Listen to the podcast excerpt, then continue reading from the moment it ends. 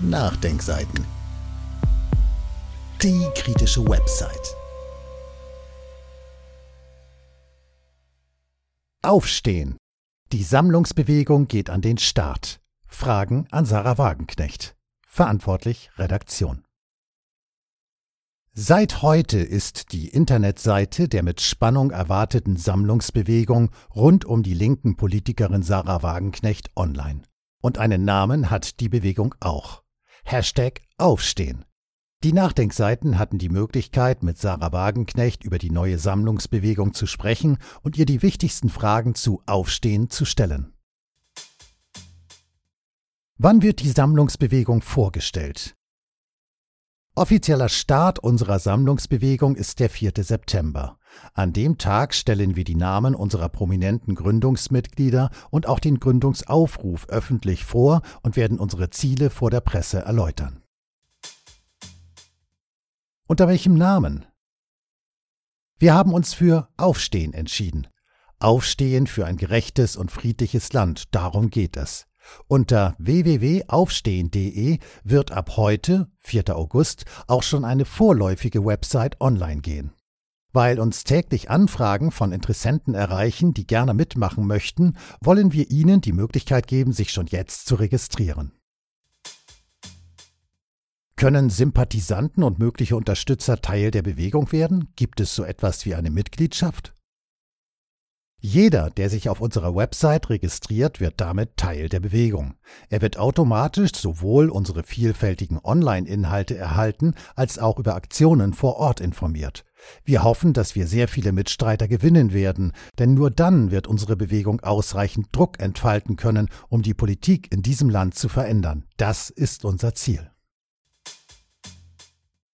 Ist die Bewegung eine Partei? Tritt sie bei Wahlen an? Wie kann man sich das konkret vorstellen? Im Vorfeld wurde ja gelegentlich La France Insoumise als Vorbild genannt.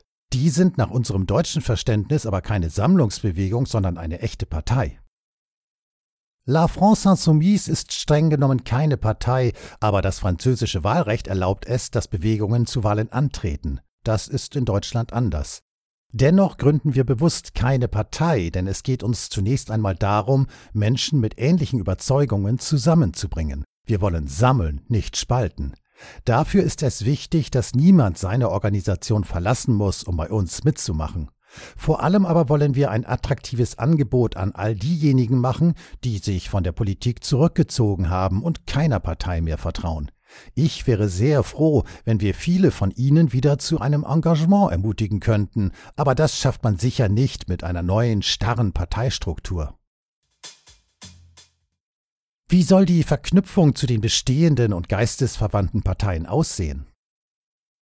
Wir hoffen, dass sich möglichst viele Mitglieder aus SPD, Linker und Grünen bei uns zusammenfinden. Nach meinen Erfahrungen hat es gerade in der SPD sehr viele, die mit dem unerschütterlichen Agenda 2010-Kurs und dem erneuten Eintreten in die GroKo sehr unzufrieden sind. Und vermutlich gibt es auch bei den Grünen nicht wenige, die sich im Interesse der Umwelt auch mit mächtigen Industrielobbys anlegen wollten, statt als letzte Machtreserve von Frau Merkel den Status quo zu verwalten.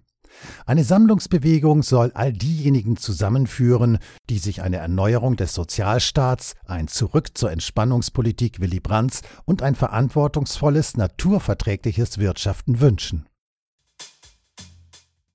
Gibt es so etwas wie Unterorganisationen, also regionale Gliederungen oder so etwas ähnliches?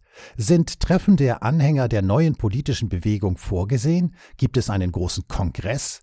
Ein erster Auftritt in einer der großen Hallen Deutschlands, also in der Westfalenhalle oder im Olympiastadion, das wäre doch ein passendes Signal. Darauf warten viele.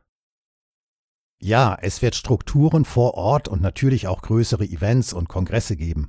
Ich wünsche mir, dass wir so schnell wachsen, dass wir bald tatsächlich die Westfalenhalle füllen könnten.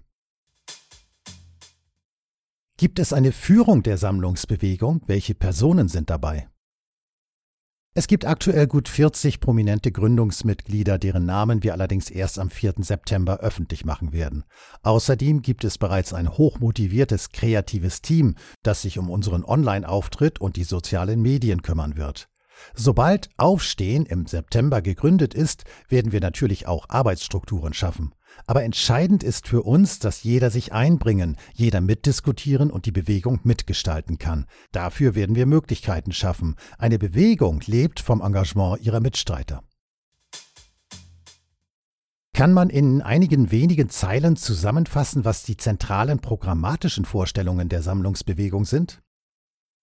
Es geht um den Mut zur Überwindung des neoliberalen Mainstreams, um eine soziale Politik im Interesse der Mehrheit und um ein Ende der Kriegspolitik und des gefährlichen Wettrüstens. Der Neoliberalismus tritt die sozialen Bedürfnisse der weniger Wohlhabenden mit Füßen und bringt viele dazu, sich von der Demokratie abzuwenden. Am Ende profitieren davon rechte Parteien. Inzwischen bestimmt die AfD in Deutschland die Themen der Politik und treibt die anderen vor sich her. Das wollen wir nicht länger akzeptieren. Die konzerngesteuerte Globalisierung, der Sozialabbau, immer neue Kriege, das alles ist keine Naturgewalt. Es gibt dazu Alternativen und wir wollen den Menschen die Hoffnung zurückgeben, dass sich die Politik verändern lässt. Dieses Audio konnte nur entstehen, weil zahlreiche Leser und Leserinnen die Nachdenkseiten fördern und durch Spenden unterstützen.